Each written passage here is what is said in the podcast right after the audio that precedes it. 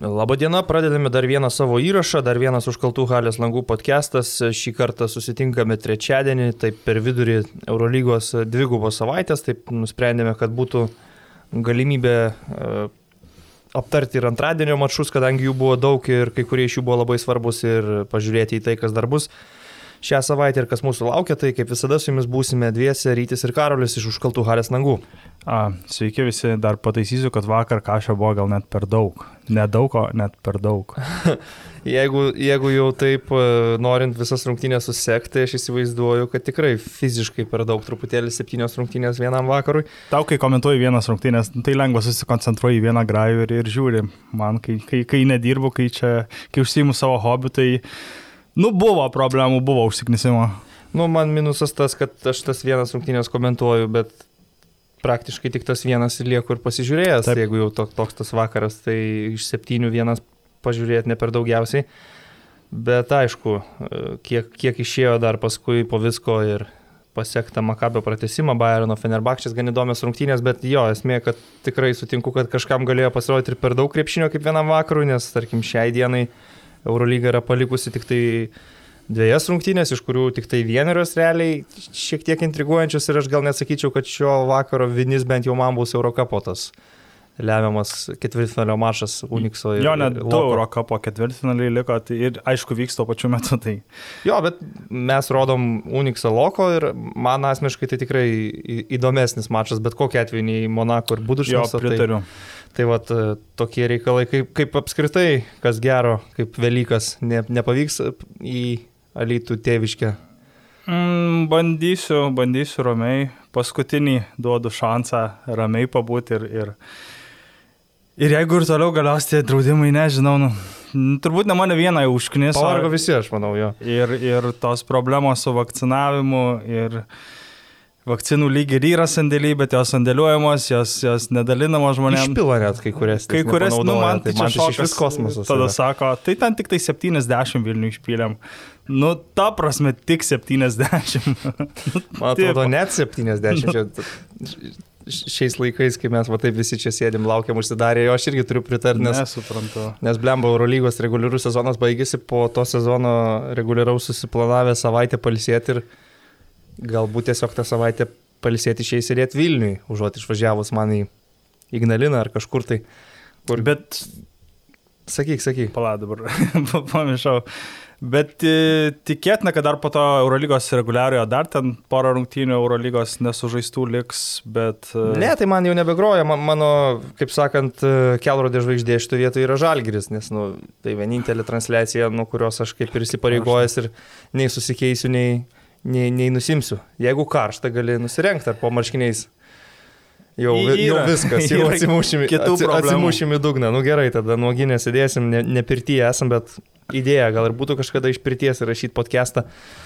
Tai šiandien įžangos tokios kaip ir neformalios neturim, bet Karolį atkapstėjai tą tokią įdomią seną NBA nuotrauką, apie kurią tokią lengvą temą pasiemėm papasako gal mūsų klausytojams, paskui tą nuotrauką gal pridėsim ir, ir prie savo... Jo, į komentarus. Pausto, e, jo, tai Facebook. Ka, kas čia per nuotrauką ir kodėl jinai tave čia taip ah, pakėlė? Praėjusią savaitę kažkaip ėjau tiesiog per, per archyvus, kaip kartais mėgstu, googlindamas senas, senų žaidėjų jau praėjusių ir, ir baigusių karjeros nuotraukas ir užtikau Patriko Ewingo su Hakimo Loidžiovonu dvikovą. Bet Bet didelis niuansas yra tas, kad, kad žaidė ne New Yorko Knicks prieš Houstono Rockets, bet tose rungtynėse žaidė Orlandas prieš Torontą. Vėliau, vėliau, vėliau radau protokolą, bet dėja nuotraukos neradau, kad, kad ir MJ yra žaidęs prieš, prieš Hakimą. Deja, tada žaidė Torontas prieš Vašingtoną. Mhm. Ir šiaip toks turbūt susitikus amerikietį Kalbant apie krepšinį, galėtų pasakyti, mačiau Hakimą prieš Jordaną žaidžiant, o tai čia kurios čia Čikagoje buvo ir čia kur, ne, tai Torontas su Vašingtonu. Tai va, tai galvojau, kad galėtumėm pagalvoti apie kažkokį atitikmenį Europoje ar Lietuvoje, kai žaidėjai, kurie yra labai gerai žinomi, kai kuriais atvejais ir legendos, e, ir legendomis tapę per savo karjerą, e, žaidžia galbūt tarpusavį ar nebūtinai tarpusavį, bet žaidžia ne, ne už tas komandas ties kuriomis mes juos atsimename. Mhm. Tai ar kažką sumastėjai?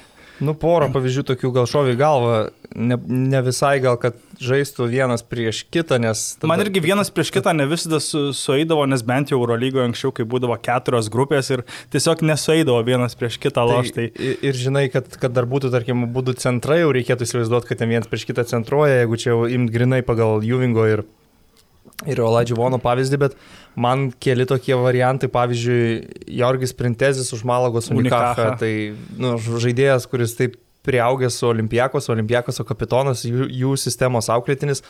Jis ten gal porai sezonų šalia ir vienam ar Aš porai. nepasakysiu porą ir vienam, bet aš vienas rungtynės Zymensė, kai su rytų žaidė, tai žiūrėjau gyvai ir, ir Printezis tada žaidė pas juos. Ir rytui ten buvo lemiamos rungtynės dėl top 16 tada. Nu, nebuvo, nu, vienos iš lemiamų, paskui dar buvo kitų rungtynių, nes šitas... Man atrodo, kad paskutinės su Unikacha. Nu, šitas jie laimėjo. Pralošė prieš Unikacha. Namie? Aš irgi buvau tose mm, rungtynėse. Aš pamenu, kad išvyko tikrai pralošė, nes tas ir namie pralošė. Išėjo. Nes ten rytų reikėjo arba patiems laimėti, unikahai nieko nelėmė, arba sulaukti, kad gal Anadolų pralošė. Aš dabar jau nenoriu suklaidinti, nes aš netaip gerai gal atsimenu tą, tą sezoną, bet tikrai buvau tose rungtynėse ir jo, Printezė žaidė su unikaha, su Humelio marškinėliais, Malaga aprengta. ir tas vienas iš tokių keistų atvejų iš lietuviškų man gal būtų labai keistas e, Aurelijus Žukauskas su, su Lietuvos ryto marškinėliais. Vis tiek yra, jeigu Lietuvoje, tai Žukauską tu įsivaizduoji kaip čempionų taurė Eurolygos kelianti su Žalgirio marškinėliais, paskui jis dar... Europos auksas. Jo, čia rinktinė, aišku. Paskui jisai grįžo į, į Žalgirį baigti karjeros, bet buvo tas va, toks, tokia tarpinė stotelė už rytą, tada jis atvažiavo, man atrodo, po Olimpijakos, o kai jam ten nesusiklosti su sveikata. Ir buvo truputėlį irgi keista, irgi atsiminti su tais ryto marškinėliais. Na ir Paulius Jankūnas su Himki, čia toks akivaizdžiausias mm -hmm. pavyzdys, kur visą karjerą žalgerė, bet yra tas mažas tarpas, kai vieną, vieną sezoną sužaidė Himki kartu su Robertu Jeftoku. Jeftokas su Himki matyti, aišku, nebuvo keista, nes jis prieš tai buvo žaidęs ir ten Maskvos Dinamo ir, ir Panatinaikos, tai su juo kaip ir kita situacija, bet dėl Jankūno Himkose tai tikrai neįsiminęs tas sezonas, ten pas Kariolo žaidė kartais trečiojo pozicijoje, netgi žaisdavo, bet gerai, kad grįžo paskui Žalgirį. Ir šiaip gera basketinių mūsų foto, kur Jeftogas ir Jankūnas Kauno sporto halį, man atrodo, gal VTB finalo ketvirtį, taip eina abu link, link atsarginių sulelio ir, ir keistai atrodo su Himkė aprangom, nors rungtynės vyksta Kaune. Aš vieną iškapščiau labai seną tokį atvejį. 95-96 metų sezono Lietuvos krepšinio A lyga. Mhm. Štai taip ir tose rungtynėse neradau protokolo, nes nu, tiesiog prieš 25 metus abejoju ir pats NKL dabartinis saugo tos protokolus. Beje, rytoj prasideda NKL finalo ketvirtas, tai tikrai, tikrai laukia įdomių rungtynių, o grįžtant prie temos, uh, tose rungtynėse susitiko Proveniškių Grifos Fortūna prieš Marijampolės Lietuvos rytą. Ar gali nuspėti, kurie čia du galimai legendiniai Lietuvos krepšininkai? Nu, tai Marijampolės Lietuvos rytą tai turėtų būti Songaila. Darius Songaila, taip. Praveniškių. Grifas Fortūna. 96-97. 95-96. Praveniškių Grifė Fortūnai, nepasakysiu dabar tikrai, kas galėjo žaisti. Vėliau tas žaidėjas perėjo į Kaišėdorių klubą, o dar vėliau į Sakalus. Iškauskas. Jo, aš Iškauskas. Aha. Tai va, tos rungtynės galimai vyko, aš tik radau, kad abi komandos žaidė tada NKL, tai mhm. Galima tik įsivaizduoti, kad tos rungtynės turėjo įvykti ir, ir turbūt abu žaidėjai nebuvo traumuoti ir, ir žaidė vienas prieš, prieš, prieš kitą. O šiaip iš keis, keistai atrodančių žaidėjų su kito klubo aprangomis, tai man irgi akivaizdus atvejs yra Aurelijus Žukauskas ir Gintaras Einikis su ryto maikutėm. Gintaras Einikis, jo, Ule buvo tas laimė, laimėtas sezonas.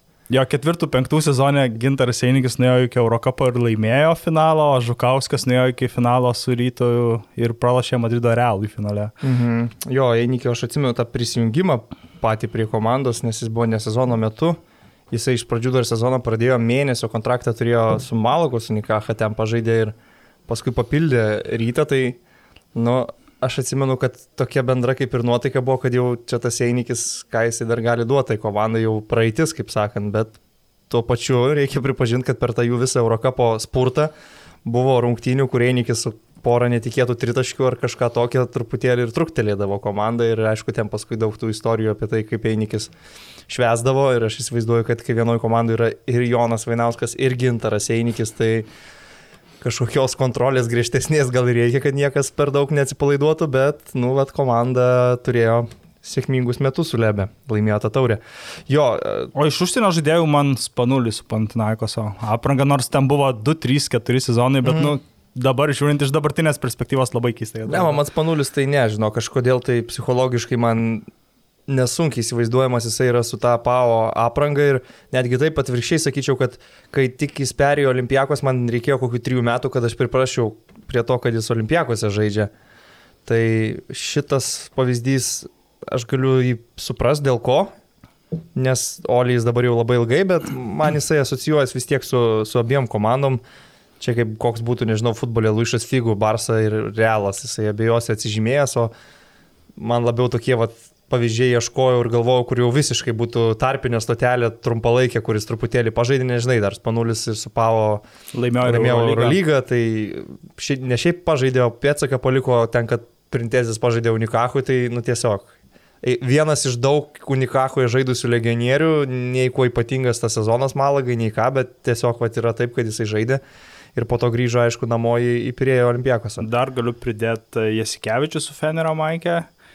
Trumpam perėjęs iš ryto iki damuš tą sezoną, mhm. kažkiek keistai atrodė ir Markusas Braunas su Makabio po žalgerio išėjęs tam sezonui. Jis net ne, net ne tai, kad po žalgerio, jisai žalgerio paskolintas buvo. Jo, nes negalėjo žalgeris demokėtos algos. Jo, tai... ir paskui dar po nuomos grįžo į Žalgirį ir dar vis žaidė Žalgirį jau būdamas kokiu 35-6 tai aš iškau, kad Braunas galbūt žaidęs, tarkim, prieš Spanulį, Panatinagusas prieš Makabį tą sezoną, bet, bet taip nesusikirto. O dar grįžtant prie Einikio, tai Einikis išvykos rungtynėse su, su Valencija pusfinalį įmetė 9 taškus ir tada atsimenu, kad labai gerą spurtą padarė, padarė rytas nedidelį deficitą susikraudamas išvyką. Prieš tą patį Fabricio Bertą matyti, kad gintaras rinko savo devynis taškus. Šiaip čia jau nebe ta tema, bet man tas pusfinalis ryto Valencijos, tai aš sakyčiau, iš Lietuvos klubų pasirodymo Europos turnyruose gal vienas labiausiai įsiminusių e, reiškinių, nes tos atsakomosios, tarkim, rungtynės Zymense, tokio įkaitusio Zymenso turbūt niekada nesu matęs. Aš, esu, aš buvau tas rungtynės iš šalytos atvažiavau. Tai ten tikrai labai įspūdingai viskas atrodė ir, ir svarba rungtynių, ir tai, kad vis tiek rytas jaunas klubas pirmą kartą kėsinosi laimėti tokį didelį skambų trofėjų, LKL čempionas jau anksčiau buvo tapę, bet pirmą kartą Europoje galėjo laimėti titulą ir tai, kad jie žaidė prieš, nu realiai Eurolygos komandą, prieš komandą, kurioje, kurioje ten žaidė trečdalis Argentinos rinktinės, žaidė Rakoševičius, Rigodo. Iš Valencijos jie atvyko su... Elitinė Europos jo, žaidėjai. Visiškai, ir jie, kaip tu sakėjai, atvyko iš Valencijos su tokiu nedideliu minusu.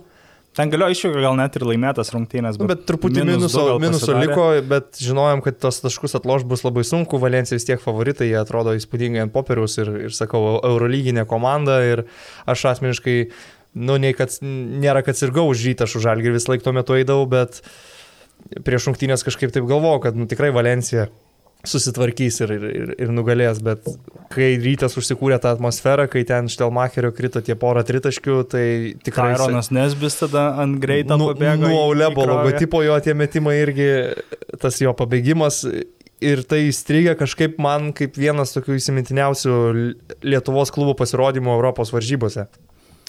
Uh, tai dar galima prisiminti, kad, kad rytas turėjo šansų ir su Kinderiu 5-6 gal metais anksčiau, kai, kai pusfinalį namie laimėjo 10 taškų, išvyko į pralašę 12, bet aišku, ten viskas vyko. Antros rungtynės vyko, išvyko ir namuose, arenos dar Kažkaip nebuvo. Šitas man neužsifiksavęs taip stipriai, o ten paskui tas visas pergalės ratas, kai aplink Siemensą ten ėjo ryto žaidėjai. Ką tik buvo pastatyta arena. Jo, buvo pirmas sezonas, pirmas Siemenso sezonas. Kieti lankai. Oi, tie lankai legendiniai, kur priveršti taip, kamuolys ten, ta prasme, jeigu metimas nekeuras, tai beveik visada išspjaus. Nu, bet ten kokiam Hariui Mujezinovičiui nekeldavo problemų. Ar, ar Andriui Šležui keurą. Hariui Mujezinovičiui mažai kas apskritai, man atrodo, keldavo problemų. Jo vis tiek pagrindinė funkcija aikštelė nebuvo su kamoliu žaisti krepšinį. Jo pagrindinė funkcija buvo labiau išjungti kažkurį varžovą. Viena, ta prasme, iš, prasme. Sakydamas išjungti, aš neturėjau jokios perkeltinės prasmės, aš turėjau menį, kad išjungti. Jo tikrai žiauriai gera tada buvo Valencija. Montekija, Sirilas Julianas, Rakoševičius, Kamerikas. E, Kameriksas. Jo, Kameriksas, Okuladžia, e, Oberto ir visos jau minėtos legendos, Rikodo Tomaševičius. Jo, jo. Tai va tokia komanda nukalė tuo metu rytas, kurio sudėtyje rotacijų minučių gaudavo, pavyzdžiui, Pavelas Šiukinas, Kuzminskas. Saulis Kuzminskas. Taip Nu, pat ir Goda žaidė ir už Kinderį, ir už Valenciją. prieš rytą. Abu kartus turbūt. Tur- Tik nežinau, ar būtent žaidė prieš šitą, nes ten kažkaip ir jis buvo suspenduotas, ar buvo traumuotas ten toj Bolonijos komandai. Ok.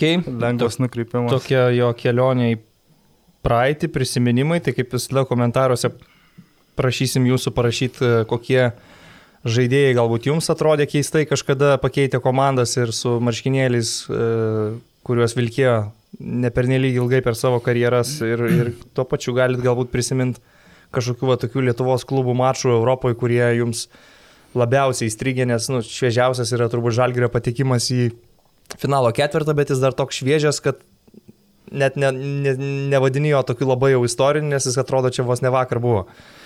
Eurolygos titulas 99 tai čia akivaizdžiausias dalykas, bet aš jau kalbu labiau apie tokius, kur kažkam galbūt atrodo primiršta, pražiūrėta, kaip ten kažkas e, žaidė aštuntfinalį ir ketvirtfinalį kažkurioje stadijoje. Tai, Tai- tai viso šiaulių kelionės, karo čia tauri irgi jau Tai ten turbūt labiau, labiau kelionės nei, nei patys mačai, bet, bet jo, krepšinio žurnaluose ten būdavo gan detaliai nupasakota apie tą, tą žygį, kelionę į Milaną ir taip toliau.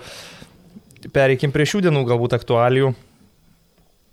Tai Eurolygoje, kaip ir sakėm, vakar sužaistos septynios rungtynės. Nei daug, nei mažai. Nei, nu, Nu, daug. daug. apie žalgerį galbūt taip trumpiau. Tų rungtynių su Makabiju jau ir neverta prisiminti, jos senokai buvo, visi jau apie jas spėjo pakalbėti, aš manau.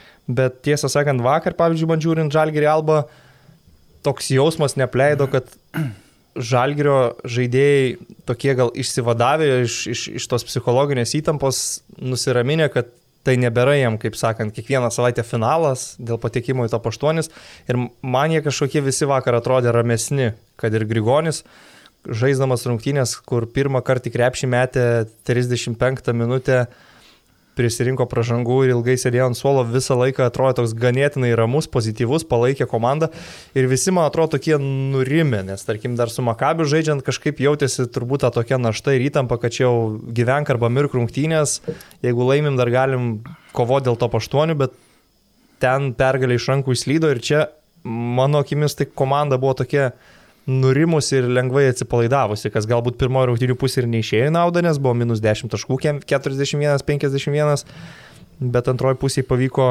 suaktyvinti gynybą ir su tokia agresyvesnė gynyba su Pančiujus Alba išėjo sužais labai gerą trečią kelnį, plus 17 trečiam kelnį ir tada jau kauniečiai pabėgo. Ir pažymėčiau tai, kad neįprastai šiam sezonui ne Grigonis, ne Lavernas žaidė ten naudingiausiai ir vedė komando, grinai atsarginiai žaidėjai, atsarginių suolas, Lekavičius per gimtadienį MVP, naudingiausias rungtynių žaidėjas Gebeno, geriausias karjeros rungtynės Eurolygoje, Karolio Lukošiūno taip pat geriausias rungtynės Eurolygoje ir man asmeniškai smagiausias epizodas visų rungtynių ir buvo tai, kad trečiam kelnį paskutiniam sekundėm Lukošiūnas paleido tritaškį, kuris taip ant lanko šokinėjo kokius tris kartus ir įkrito į krepšį. Tai labiausiai pradžiuginęs toks smagus epizodas, kur jaunas žaidėjas visą sezoną sėdi ant suolo, laukia savo šanso, dirba.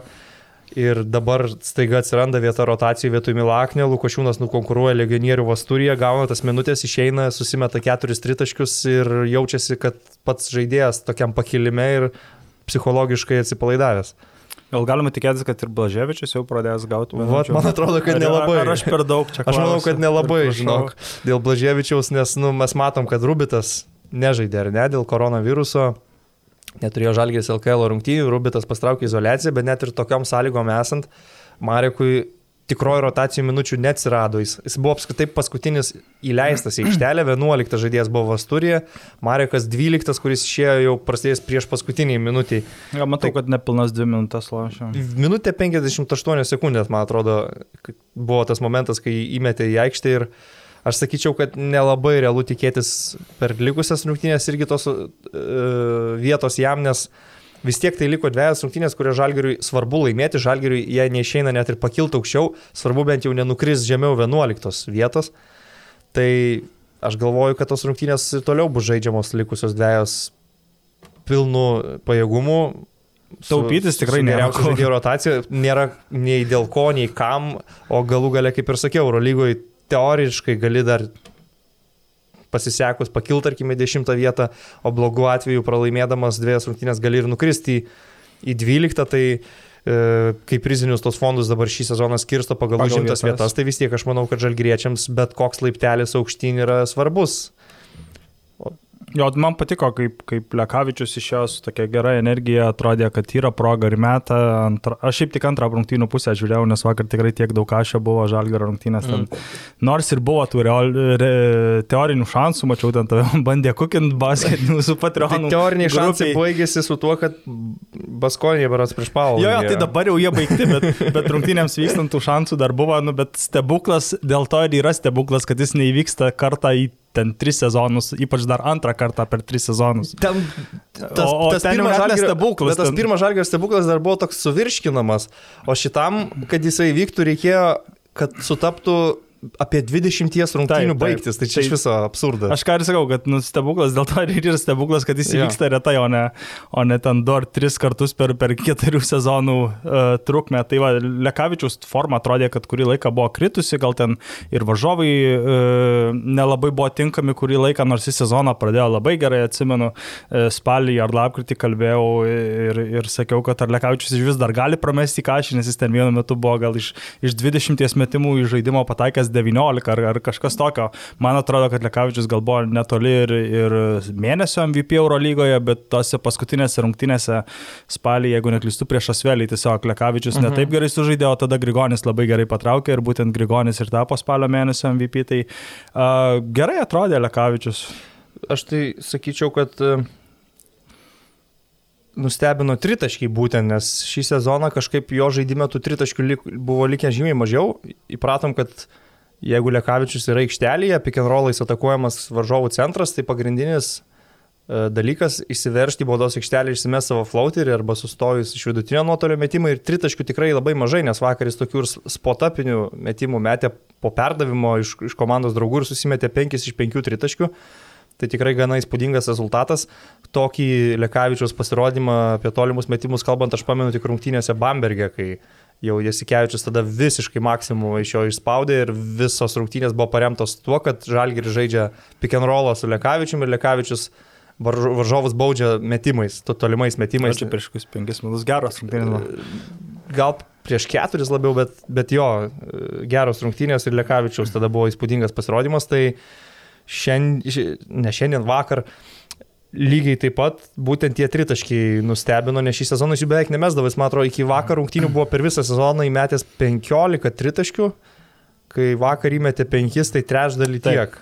Taip, Ir aišku, kad Alba daug žaidė, tarkim, su savo tuo naujų milžinu Kumadže, 2,23 cm Du, du, trys. iš Čado.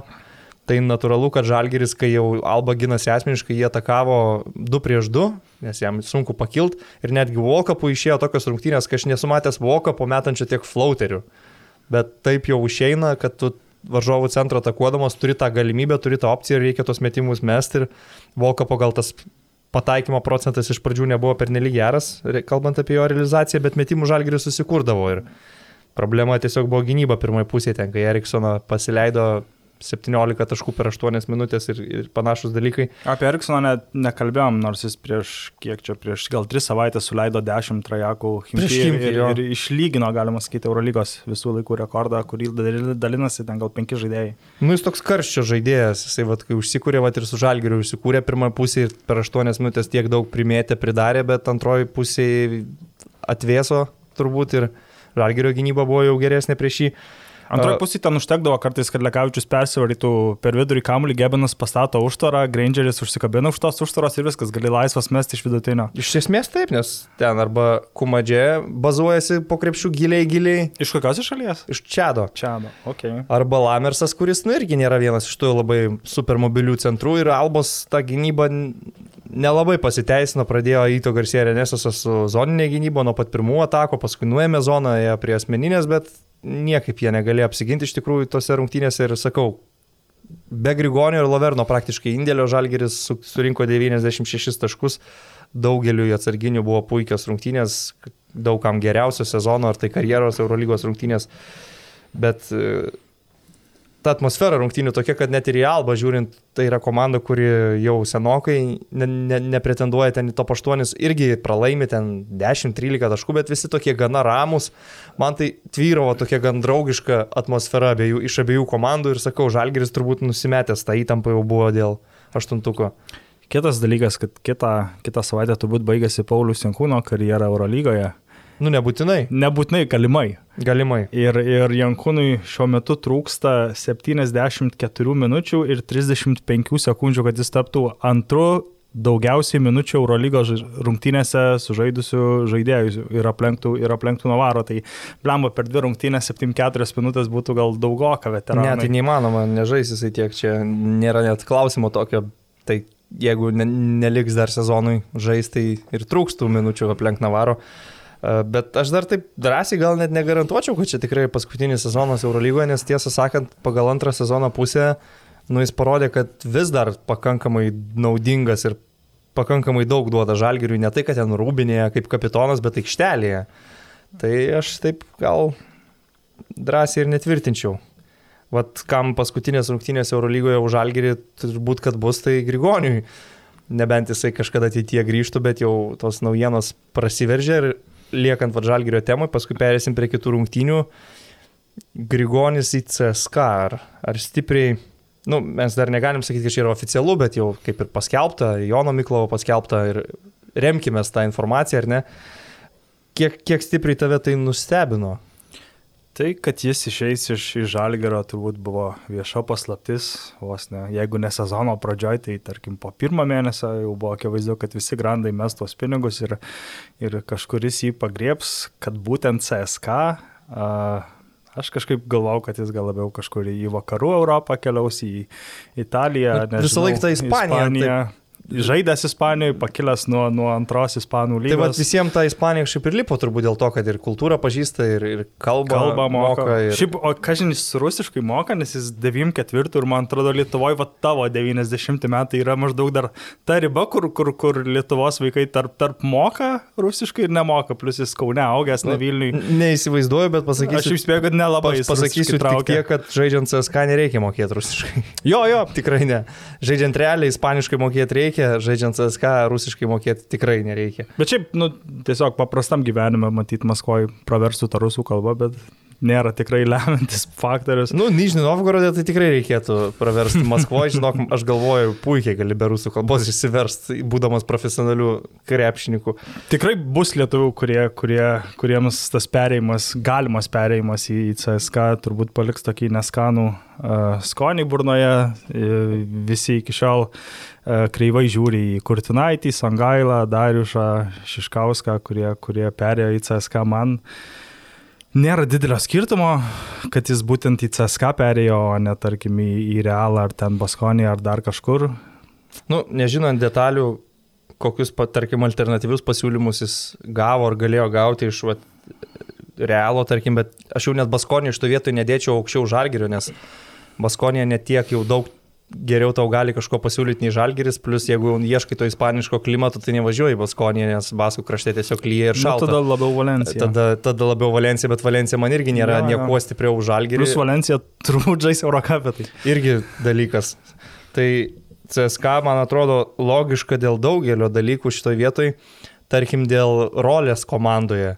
CSK šiuo metu neturi ryškaus labai gero atakuojančio gynėjo, neturi jo nuo tada, kai iš komandos išėjo Corey Higginsas ir Nando Dekolo, pas juos starto penketo antras numeris yra Derenas Hillardas, žaidėjas, kurio kontraktas baigsis po sezono, žaidėjas, kuris vargu ar pateisino lūkesčius CSK komandoje, toli gražu ne polimo lyderis, toli, toli gražu ne Eurolygo žvaigždė ir praktiškai vien jau jo išėjimas atlaisvina Grigoniui starto penketo vietą antroji pozicijoje.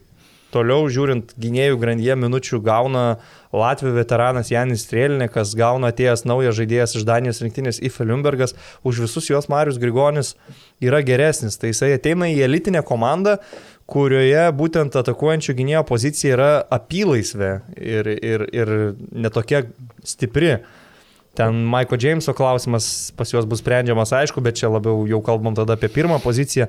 Tai Marius Grigonis ateina į elitinę komandą, kurioje jis iš karto patenka į starto penketą, nes, sakykime, į tokį realą ir jų tą gilę sudėtį einant, garantijų dėl vaidmens, dėl rolės sunku turėti iš tikrųjų. Tu būsi toj Pablo Lasam didžiuliai rotacijai vienas iš žaidėjų ir kažkiek gausi minučių, kai kuriuose rungtynėse daugiau, kai kuriuose mažiau CSK. Aš manau, kad jisai iš karto yra pagrindinis e, atakuojantis gynėjas. Čia vienas dalykas. Antras dalykas, aš puikiai suprantu žaidėjo norą, jam yra 27 metai, jis yra ambicingas krepšininkas su labai geru tikro profesionalo charakteriu noras laimėti titulus, tu eini į organizaciją, kuri beveik visada yra finalo ketvirtė, tu...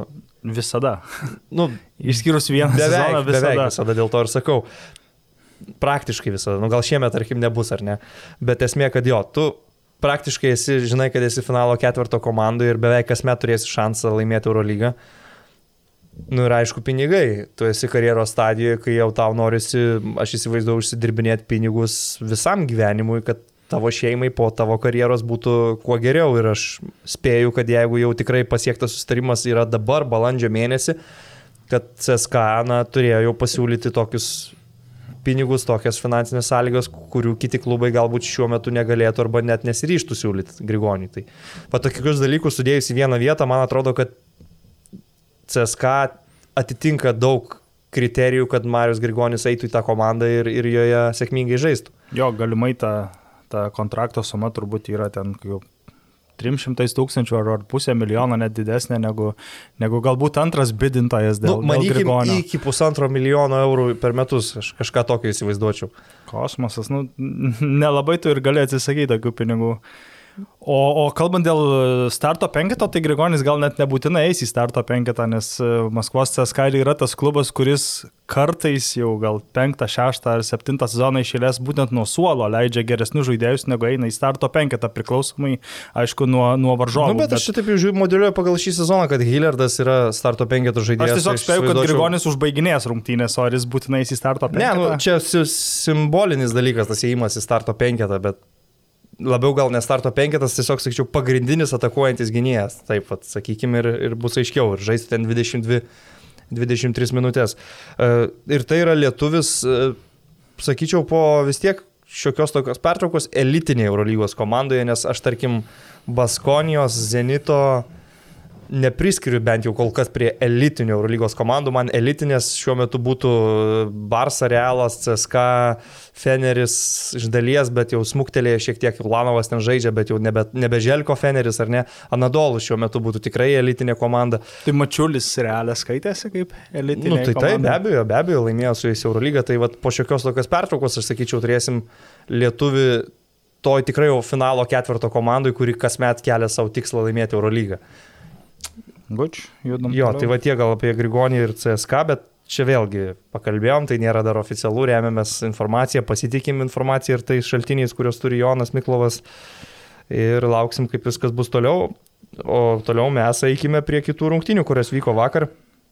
Realo Nadolų mačas pasibaigęs Turkijos klubo pergalė 25 taškų skirtumų. Dar kartą Tamano vyrai įrodinėja, kad jie moka laimėti rungtynės per vieną kėlinį, nes po pusės rungtynių ten atrodė, kad Realas labai normaliai laikosi neblogai viską kontroliuoja ir kaunasi, bet baigėsi 183 ir trečias kelinys buvo 35-22. Per antrą pusę šiam septyni taškai nu, praleisti, tai NBA Žalgiris tik iš vis įmetė realui per rungtynės. Ne, Žalgiris realui išvyko 58. 50 kažkiek. Ir tai, tai. daug komandų šį sezoną realui nepermesdavo ten 60 kelių taškų, nes šį sezoną Laso realas yra pasikeitęs ir tikrai tapo labiau tokia gynybinė komanda, bet čia be, beprotiški skaičiai, 67 per pusę rungtynių, nu ir turbūt rungtynių highlightų tapusi ta Ergino Tamano minutės pertraukėlė, kuris prašė užtilti ir leisti jam kalbėti, nes čia yra jo komanda ir jisai yra treneris. Aš jį planavau antrą pusę net ir pasijungti Realo Nadolų vietą į Zenito CSK, bet porą minučių uždėlsiu ir tada matau, kad plus 15 ir kad jau nėra į ką jungti. Nu, man irgi neišėjo pasižiūrėti šitų pilnų rungtynių, skirus highlightus, bet žavinga vėlgi yra tai, kad rezultatyviausias Nadol F žaidėjas, renkant 108 taškus Madridė, yra Sertačas Šanly. Susimetė 17 taškų.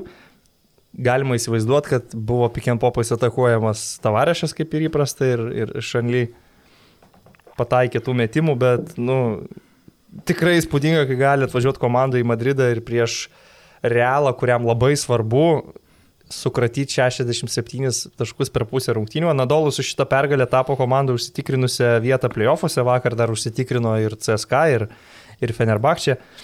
Ir Armani. Ir jo, ir Milano Armani, jie sutriuškino Sevenas Vesda Belgrade. E, pajudėkim galbūt toliau, taip pailiui Zenitas CSK rungtynės Rusijoje, kurios Zenitui visų pirma buvo labai labai svarbios, nes Zenito ta situacija toli gražu nėra saugi, bet vis tik CSK, sakyčiau, labai tvarkinga pergalė tokia iškovojo, be gilesnių duobių, gan užtikrintai visada bent jau nedidelių skirtumų pirmaudami ir pabaigojo užtikrintai uždarydami rungtynės plus 12, 86, 74.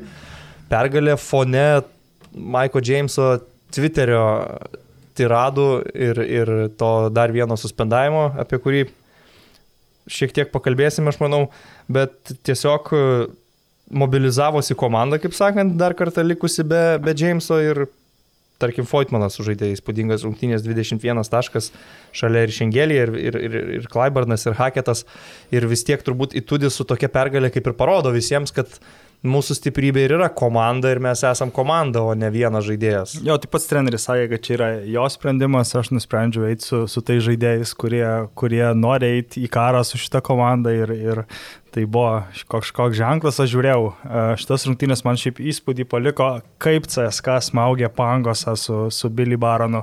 Prieš, prieš pangosais ir taip yra jokiais įspūdingais fiziniais duomenim nepasižymintis, toks neaukštas mhm. žaidėjas, bet kai, kai nuo tritaškio, o kartais ir, ir nuo, nuo vidurio linijos jau pradeda jį ten smaugti ir, ir Šengelėje buvo prieš jį statomas ir Kurbanovas, paskui e, Pangosas jau kažkiek vis tiek pavargęs eidamas į startą nuo suolo išeina Klaiburnas, toliau įsmaugia, o už, už Billy Barono gerklės užsikabinęs Haketas. Nu, įspūdinga, kaip, kaip, kaip e, tuos e, kai kuriuos Zenito žaidėjus bando išjungti žaidimo, nes kai tu pastatai prieš pangusą tokį, vat, kaip, kaip Klaiburnas ar kaip, tarkim, Tornikė Šengelėje, tai iš esmės nusikarta iškart visi Zenito deriniai, kuriuose pangos atiduoda kamolį ir vėliau jį turi priimti, nes jis tiesiog nu, nesugebės to kamolio priimti. Aš sakyčiau, čia trūkumas Zenito komandai šį sezoną, kad jie tapę per nelik daug priklausomi nuo savo vieno žaidėjo pangos ir neturi stipraus atsarginio žaidėjo, kuris galėtų adekvačiai pakeisti pangosą. Ir tos trumpos atkarpos, kai žaisdavo be pangoso šį sezoną, aš daug rungtynių žiūrėjau, jos būdavo tokios sudėtingos, kur reikia tiesiog kažkaip išgyventi ir iškentėti. Dima Hvostovų? Dima Hvostovas didesnę dalį sezono traumuotas, Eurolygos nelabai, kad ten sužaidęs, ten iš vis Denisas Zaharovas išeina, arba Kamolį žaidinėja Ponitka, arba Beronas. Ir tu žiūri tas jų atkarpas be pangoso ir matai, kad jiems tiesiog reikia iškentėti 3-4 minutės, kol grįž pangosas. Ir tai nėra labai gerai ilgoji distancijoje, nes rungtynių daug, žaidži dviem frontais, neturi gero atsarginio žaidėjo, apskritai tai jų trumpa rotacija ir aš gal net sakyčiau, šitie dalykai juos dabar kaip tik ir pasivėja reguliariojo sezono pabaigoje, kad jie ilgai rinko ir skynė tas pergalės, gal net per daug jų rinkosi pagal tai, kiek jiems trūksta rotacijos ir atsarginių žaidėjų solelio ir vat dabar vat, finišo tiesiojoje kyla, kyla tokių problemų ir vat, po šito pralaimėjimo pažiūrėkime į lentelę, Zenitas yra dešimtas. jau netgi už brūkšnio, dešimtas, aišku, jie e, žaidė vienomis rungtynėmis mažiau, tai kaip ir dar visi šansai išlieka, bet jau situacija nebe tokia gera. Jiems liko trys namų rungtynės Eurolygoje, visas būtina laimėti ir gali būti taip, kad net ir tų galimų 20 pergalių neužtektų tam, kad patektų į playoffus, o dar apie, apie Zenitą, tai e, puolime pangosą ir, ir kai kuriuos žaidėjus smaugia, bet lygiai taip pat CSK tą darė ir kai Zenitas gindavosi, nes jeigu prieš Haketą, tarkim, buvo pastatomas ar Hvostovas, ar Pangosas, tai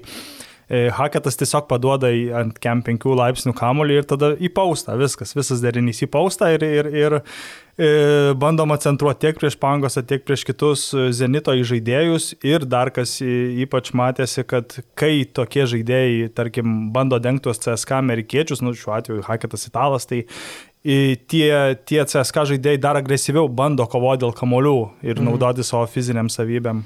Nu, šituo aspektu man netudis tikrai patinka, kad tai yra vienas iš tų trenerių, kuris, nu, panašiai va, kaip Šaras, labai išryškina mismečus ir varžovų trūkumus. Ir jeigu yra va, toks pažeidžiamas krepšininkas, kaip tarkim žaidė su Realu, daug užpaustindavo Laprovitolą arba Kerolą, dabar su, su Zenitu irgi randa tuos silpnesnius žaidėjus ir labai ryškiai ant to sužaidžia, nes toli gražu ne visos komandos taip akivaizdžiai ant, ant tų varžovomis mečų eina, daugiau vis tiek žaidžia su savo įprastu bagažu, su savo derinių bazė kažkokia, kurią naudojo, va, Itudžio komanda yra viena iš tų, kur grinai prieš konkretų varžovą turi specifines situacijas, kurias išnaudoja, jo labiau čia varžovas jiems iki skausmo pažįstamas, nes tu su jais kaunėsi ne tik Eurolygoje, bet ir vieningoje lygoje, tai tų tarpusavio mačų yra pakankamai daug.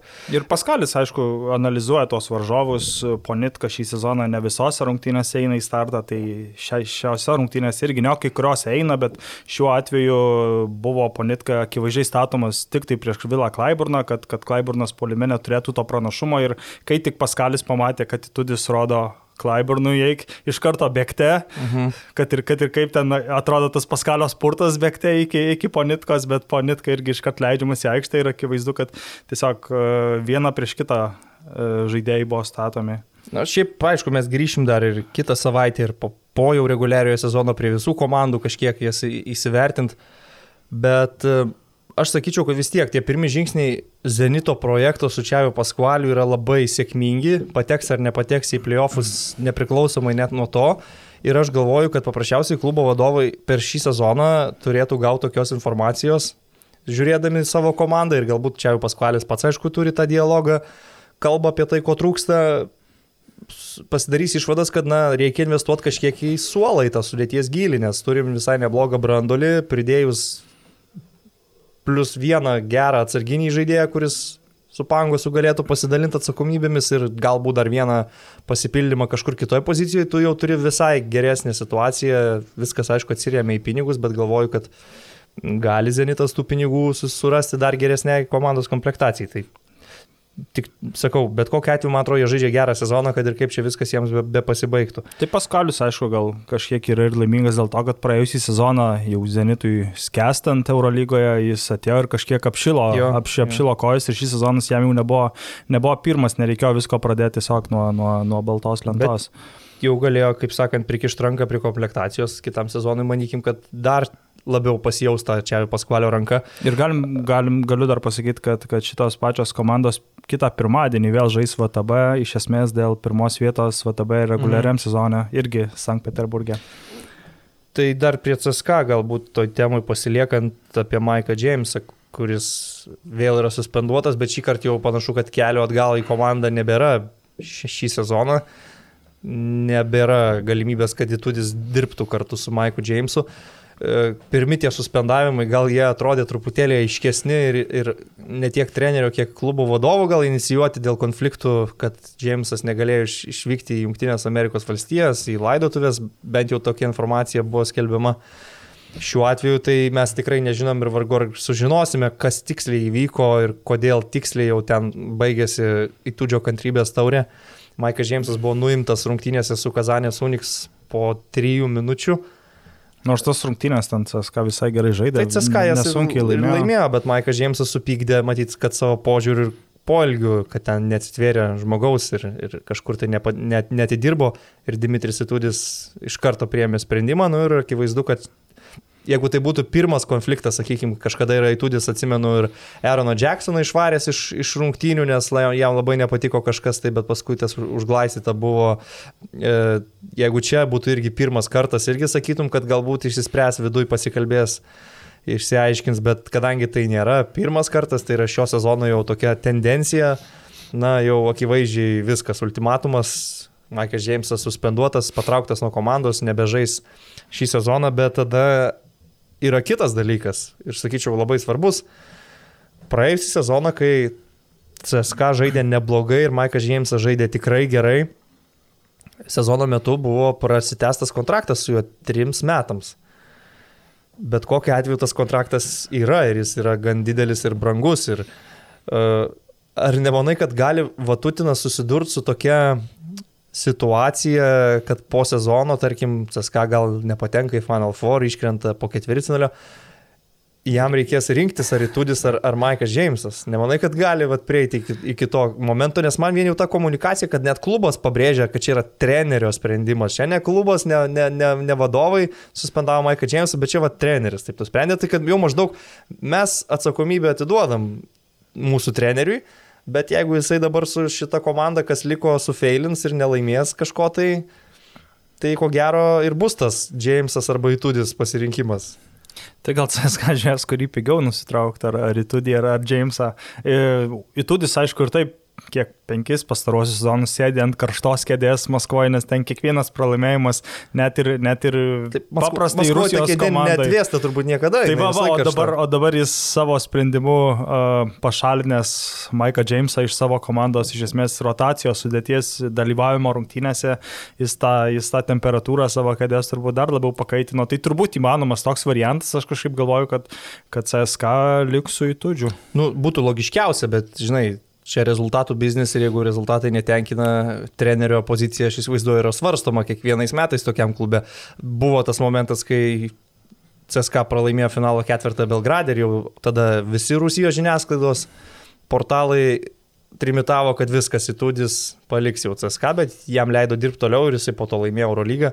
Dirba jis nuo 2014 metų, tai tikrai nors ir CSK atrodo toks klubas, kuriame išsilaikyti trenerio pareigose yra žiauriai sudėtinga, bet šiai dienai iš Eurolygos klubų toj pačioj komandai ilgiau dirba tik Pablo Laso su Madrido Realu. Tai Tudis CSK jau toks ilgamžis treneris. Jau nekartą nudegęs pusfinaliuose. Jo, bet ir, ir nepaisant to, tas pasitikėjimo kreditas, žinai, likdavo. Ir dabar toks, nu, pirmas turbūt sezonas paženklintas konfliktų su žaidėjų, skandalėlių visokiausių, kad, na, komanda iš tikrųjų be abejo, kaip ir rezultatai nėra labai blogi, bet niekas dabar jau taip drąsiai nekalba, kad CSK garantuotai yra finalo ketvirtė, labai daug priklauso nuo to, su kuo jie turėtų žaisti ketvirtfinalio seriją, ar turės namų aikštelės pranašumą. Tai, nu, išbandymų daug ir aš irgi būčiau to, tos pozicijos, kad jeigu čia reikia rinktis treneris, sorry, treneris ar žaidėjas, treneris, laiko patikrintas treneris, kuris sukūrė šitą komandą, sulibdė ją tokią, kokia jinai yra, jis ją komplektuojasi, jis uh, įrodinėja, kad uh, gali žaisti dabar ir su Milutinovu, ir su Šengelė, su kitokia priekinė linija ir, ir, ir idealiu atveju jis turi likti ir tęs darbus, bet tada reikia spręsti, kaip atsikratyti Maiko Jameso didelių kontraktų, nes, nu, žinom Jamesą, žinom, kaip su juo buvo Milane, kol jam nesumokės visų pinigų, jisai tikrai savanoriškai ir geranoriškai nepasakys ačiū ir viso gero. Ja, tai įmanomas, įmanomas variantas, kad Maikas Džeimsas nežais Maskvos CSK. Tris metus gaus pinigus. Nežais ir niekur kitur. Čia kaip Gilbertas Arinasas, niekur nežaisdamas vis tiek dar gaudavo pinigus. Tai jeigu CSK ne, nesuranda, kas pasims jo kontraktą, tarkim, išpirks arba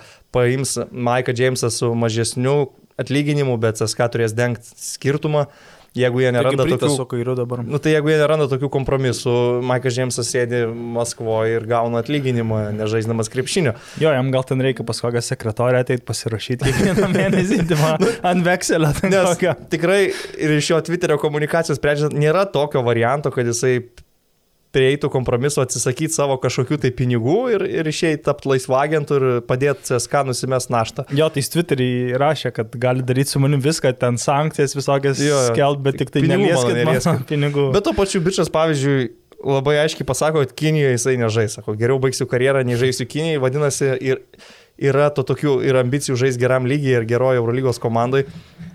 Bet nu, situacija neįlynė, aš sakyčiau, Europoje retai pasitaikantis tokie atvejai, galbūt NBA daugiau būna įvairiausių ten konfliktų su žaidėjų ir vadovais ar tai treneriais.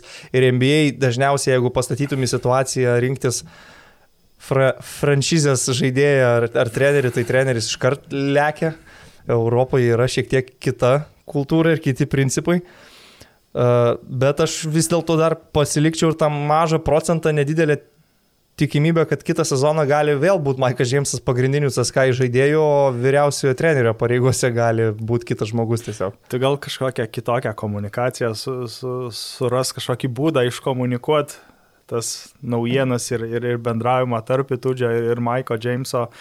Nu, tai čia šito tai neatskleis, kaip kaip yra, kaip yra. Maikas Džeimsasgi sakė, kažkada jeigu kurs dokumentinį filmą, tai viską papasakos, bet realiai tai abejoju, ar galim sužinoti iš tikrųjų, va taip, kas tiksliai įvyko, kas tiksliai buvo pasakyta, klubas to neturi viešinti ir ne, neviešins. Patys asmenys irgi turbūt vargu ar norėtų dabar veltis į žodžių karą, nes jeigu Maikas Džeimsas kažką tokio pasisakytų, tai tada Dimitris Itudis tikrai atgal turėtų ką šauti ir, nu, iš niekur nekyla tokie konfliktai.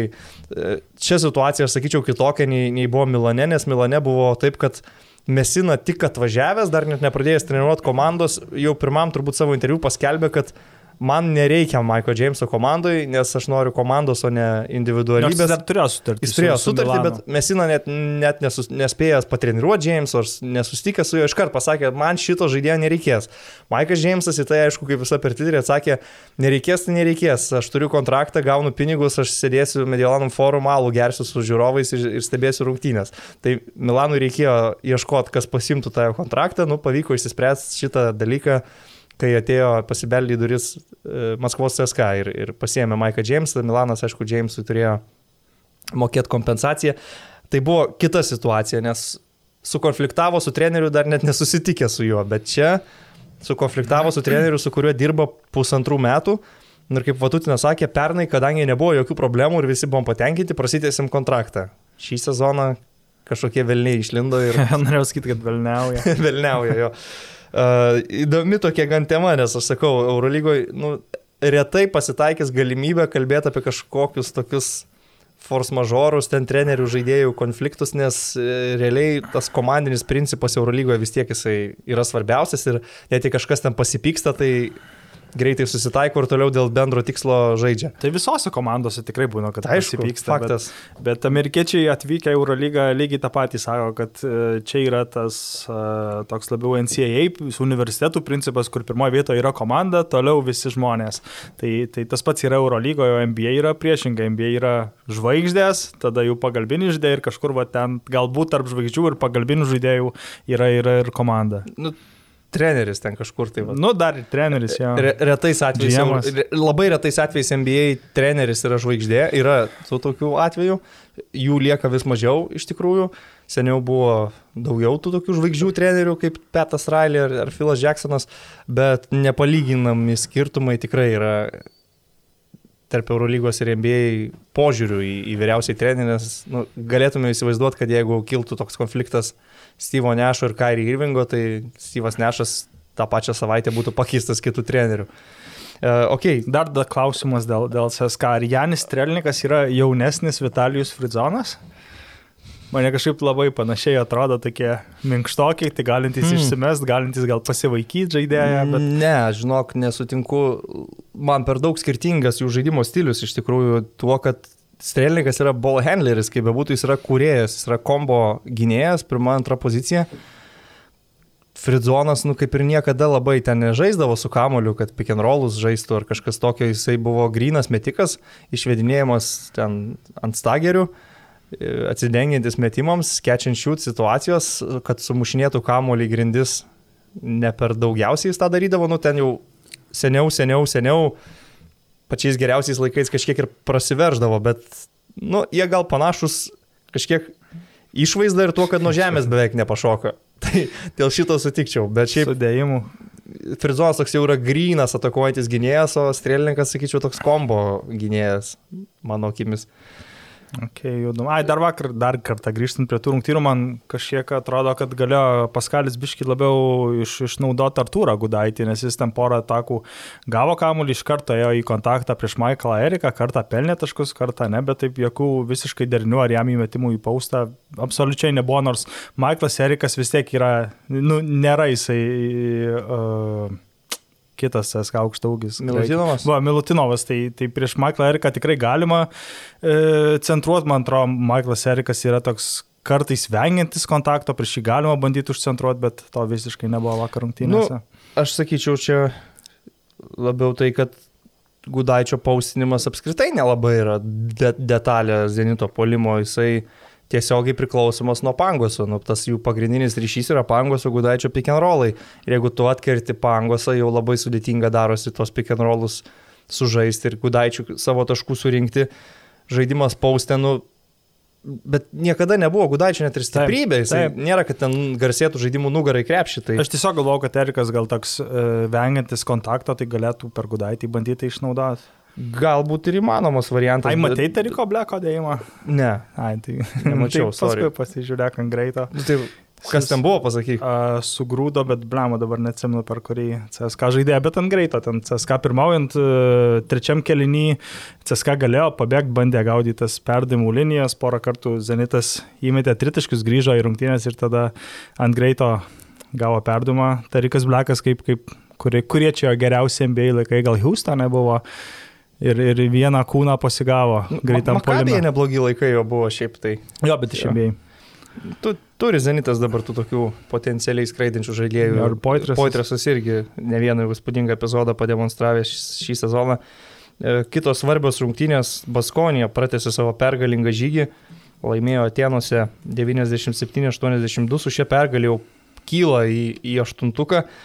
E, Vėlgi Roko Gedraičio dar vienas labai sėkmingas pasirodymas polime, 25 taškai rezultatyviausias rungtynių žaidėjas.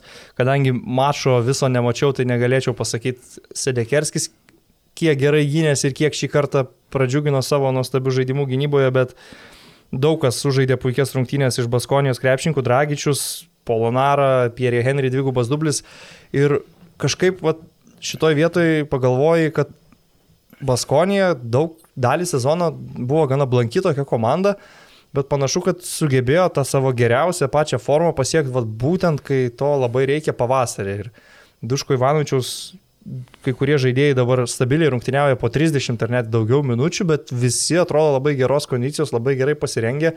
Ir, ir renkasi tas pergalės. Čia, kad prieš Pavą laimėjo, gal nėra kažkas labai jau tokio netikėto ir sensacingo, bet tarkim, kokios rungtynės jų buvo su Milano Olimpija praeitą savaitę, tai jau ten pasimatė tas vat, visas įdirbis, kaip sužaista buvo gynyboje prieš talentingą Milano klubą ir aišku, ten rungtynės vainikavo tas epizodas, kai Gedraitis pabėgęs į greitą polimą atidavė kamuolį Sedekerskiui, kad jis įdėtų iš viršaus, tai Kaip, parodė, kaip Lebronas Rikidėjus pirmosios savo karjeros rungtynėse. parodė tokį brolišką lietuvišką ryšį, sakykime taip, nes prieš tai buvo ataka, kurioje Sedekerskis atmetė kamolį Gedraičiui prie tritaškio linijos ir tada jau Gedraitis tritaškį metė po Sedekerskio perdimo. Bet visa esmė ta, kad e, Baskonija man vidury sezono, tarkim pusėjų sezonų, netrodė kaip to aštuoni medžiaga apskritai. Bet taip užsikūrė dabar ir taip atrodo gerai dabar, kad e, aš įsivaizduoju, jie pilnai gali iššokti į playoffus ir dar priklausomai nuo to, kokį varžovą gautų, jeigu tai nebūtų Barso arba Nadolo, aš matyčiau juos visai galinčius ir sukovoti iki trijų pergalių. Tai man irgi sezono eigoje atrodė kaip komanda, kuri sužaidus gerą atkarpą galbūt galėtų kabintis, bet panašu, kad jie ir sužaidė tą gerą atkarpą. Labai gerai atrodė su, su Milanu, vėliau ten vietinėse pirmenybėse gal truputį ir pasilisėjo prieš dvigubą savaitę Eurolygoje ir vakar laimėjo prieš turbūt, galima sakyti, merdinti Panatinaikosą. Merdinti, iš tikrųjų. O dar dėl Gedraičio norėjau pasakyti, kad akivaizdu, kad jis kandidatuos į rinktinę, pateks į rinktinę ir aš galvoju, kad jeigu bus tokių atvejų kėlinių pabaigose, kai, kai lietuviai, tarkim, turės kamuolį, tai man atrodo, kad Gedraitis yra būtina žaidėjas aikštėje, nes jisai e, man asmeniškai rungtynėse su, su, su Armani pasimatė tas, kad jam galima tiesiog nesigavus deriniui numest kažkur ant tritaškio ir jis labai greitai išsimes tą trajeką. Jo, jo, toks atrodo, kad prieš, prieš pagaudamas kamuolį jis jau pradeda tą savo metimo stadiją, pagauna greitai išsimeta ir, ir sugeba pataikyti. Tai už, užbaiginėjant kelinius, kai lieka ten 12-15 sekundžių, komandos kamuolys, tai jį būtina išleisti. Vien jau tas dalykas, kad nuo jo negali varžovas eiti į pagalbą, nes prie jo visą laiką turi būti žmogus. Jisai, jeigu tik truputėlį nuo jo atsitrauksi, išsimeta, kaip tu ir sakei, labai staigiai ir šito vietoj ilgos rankos irgi labai padeda, jeigu jis žaidžia, tarkim, antroji pozicijoje ir įdengia jo pozicijos žaidėjas, tai jam uždengti Gedraičio metimą praktiškai yra neįmanoma, jisai ramiai gali išsimesti net ir per rankas. Net ir aukštesniam žaidėjui sunku, nes jis tiesiog nespės sureaguoti į tą greitą metimą. Ka- Kas stadiją. įdomiausia, tos vat, Gedraičio duomenys puikius ir koks jisai gali būti, mes matėm jau labai seniai, ten nuo tų laikų, kai šiauliuose tik pradėjo po truputėlį žibėti. Bet iki galo niekada ir nebuvo aišku, kur yra tos jo lubos ir kiek pat jis toli sugebės nueiti per savo karjerą. Tai jis šiuo metu jau tikrai labai toli nuėjęs, aš sakyčiau. Bet mes jau kalbėjom ir anksčiau, gal dar rudenį podcast'e, kad jisai gali tikrai ir aš tikiu, kad žengs dar žingsnį ir į NBA areną, kas jau būtų, nu, ta viršūnė karjeros, plus dabar jau taps, manau, tikrai solidžiu, svarbiu rinktinės žaidėjas iki šiol. Uh, jis tokio vaidmens rinktinėje, va tarkim, ir į pasaulio čempionatą 2019 žiūri, nu jis jo neturėjo, pripažinkime. Jo, tai tik paskutinėse rungtynėse su Dominika. Su nu, Dominikos Respublika atsidarė, jo, bet, bet e, nei, nei, nei derinių, nei kažkokio vaidmens, nei... Nu, buvo 11-12 žaidėjas iš esmės. Žaidimo aikštėje visiškai nebuvo priešingai negu, tarkim, Arnas Butkevičius, kuris vos pateko į rinktinę, daug kas jo, jo iš pradžių net ir nematė tam rinktinės sąraše, bet jis turėdavo savo užduotis gynyboje. Nu ir Baskonė, aišku, kad ir kaip dabar gerai atrodo ir laimėjo šitas rungtynės, dar neturi jokių garantijų dėl playoffų, liko jiems du mačai šią savaitę su Anadolo FS namie, labai rimtas pasitikrinimas ir turbūt jau banalu čia sakyti, kiekvieną savaitę žaidžiami finalai, bet jau tikrų tikriausias finalas, ko gero, bus paskutiniam turė, nes Baskonė žais su Valencija išvykoje visai gali... A, išvyko, galvau, namie. Ne, ne, išvykoje. Visai gali sukristi taip, kad tai bus rungtynės, kur kuri komanda laimės, tai ir pateks top 8. Kad jo. būtų, aš galvoju, nu, įspūdinga intriga ir labai asmeniškai norėčiau tokio scenarijaus. Jo, čia būtų kaip aštuntfinalis Eurolyga iš vienų rungtynių. Iš vienų rungtynių, jo, tikrai būtų fantastika. E, šiai dienai galbūt Baskonija atrodo geresnės, geresnės formos, bet nu, palaukim, Valencija dar savo rungtynę žaidžia šiandien su Olimpiakusu, jeigu jie laimi, tai irgi ta situacija įtempta. Jo, arba gali būti ir taip, kad, kad vienai iš komandų uh, tos rungtynės nieko nelems ir tarkim Baskonija laimėjus patenka, o Valencija laimėjus atima iš Baskonijos kelialapį ir jį tiesiog atneša ant lėkštutės Madrido realui. Nu, kas nors tokio. Labai daug visokių galimų scenarių, bet prasme, akivaizdu, kad šitose rungtynėse bent jau vienai komandai bus žudbutinis mačas o labai tikėtina, kad ir abiems. Mhm. E, toliau Makabis Barsa rungtynės su pratesimu, rungtynės išėjo gana įspūdingos, Makabis laimėjo jas penkiais taškais ir didžiausia įspūdį rungtynėse vis tiek palikęs dalykas yra ta 3000. Omri Kaspio metimo nu, technika. Man 3000 ir galių armija vis tiek kaip bebūtų. Visą sezoną Rusijos komanda žaidžia su žiūrovais, bet tas rungtynės žiūrėdamas, tu už to kažkaip ir neužsikabini visiškai, nes tas rusų komandų palaikymas jisai toks plasmasinis truputėlį. O Tik rungtynių pranešėjas gal. Rungtynių... Garsiausias yra fanas rungtynių. Nu jo, bet žinai, ten rungtynių pranešėjų, pavyzdžiui, Himki rungtynėse tai ir tų žiūrovų nebūtinai reikia, jis pats turbūt ten moka užsivest save. O čia, nu jau buvo ta tikroji makabiška atmosfera jų namų rungtynėse, kuo jie ir garsėja, nors čia nepilna salė, bet tik tai apie 3000. Ir taip pasijaučia, kokį didelį vis tiek efektą duoda tie žmonės grįžę į, į tribūnas. Ir aš niekiek nebejoju, kad ir komandoms tai davė, e, davė tokį impulsą ir Makabis, nu kaip be būtų, laimėjo namie prieš geriausią reguliariojo sezono komandą. Ir laimėdami antras rungtynės pailiui padidino savo šansus pakilt, kad ir, tarkim, iki 12 vietos, 14 e, yra ta paskutinė prizinė, tai čia jiems svarbiausia, bet e, galima dar šiek tiek kilstelėti ir pasigauti olimpijakos. Ir vis tiek, kai tu žiūri, kad Makabis laimi prieš Barsą, pagalvoji, kad tai turbūt yra labiausiai underachievinusi šio sezono komanda, kuri pagal savo potencialą turėtų tarsi ir būti aštuonete. Jo, vakar Makabis parodė, man atrodo, tikrai savo potencialą, kai jiems krenta, kai, kai jie yra gerai nusiteikę, nes tikrai buvo tokių rungtynių, kai e, aš neįlendu į žaidėjų galvas, bet atrodė, kad jie nėra pilnai nusiteikę, tai Barsa buvo toks, atrodo, lyg, lyg raudona vėliava buliui Makabiui vakar. Plus, plus sirgalių šioks toks grįžimas į, į, į tribūnas turbūt irgi pridėjo to noro kovoti ir, ir nors buvo atkarpų, kai atrodė, kad e, ir pratesime, kai atrodė, kad Barsa nu, tiesiog uždusinus Makabiui nėra ką daryti. E, Vilbekinas vienas prieš vieną nu, tiesiog neapžais, Barsa per gerai ginasi, bet e, pataikė vieną tritaškį, tada, tada ant greito paleido kitą ir, ir, ir atstovėjo gynyboje, aišku, atskiro pa, pa, pa, paminėjimo vertas Antė Zizičius, kuris vertė taškus iš pokrepšio. Uh, Žiauriai nustebino mane, kad Antė Zizičius 24 taškus prieš Barsą sukratytų. Galim dar atsiminti, kai, kaip Makabis pralaimėjo rungtynės išvyko į Valencijoje, tai čia buvo pana, panašios poros situacijų, kai Makabis trepino Barsos e, į žaidėjus arba bent jau kamuolį persivarančius žaidėjus, tokius kaip tarkim Hanga, Higginsas ir, ir būtent Antė Zizičius buvo kartais vienintelis tas žaidėjas, kuris perbėga į varžovų pusę ir vienas prieš krepšį išbėgęs krauna iš viršaus. klausyk, kas ten buvo su teisėjų, tokiu švilpuku, aš tos pačios pabaigos nemačiau, bet ten buvo tokia situacija, Jo, prie sukėlus- lygaus sukėlusi rezultato aistrų. likus gal 10 ar 12 sekundžių iš esmės e, pratesime vieną ataką turėjo Makabis ir Mirotičius e, peržengė galinę liniją, bandydamas sutrukdyti Makabį išsimest kamuolį ir gavo techninę. Ir tai iš esmės iš karto viską apvertė, visą rungtynių planą, visą, visą minutės pertraukėlę, ką jie buvo susitarę tada. Tu, bet čia labai drasus teisėjo sprendimas, sakyčiau.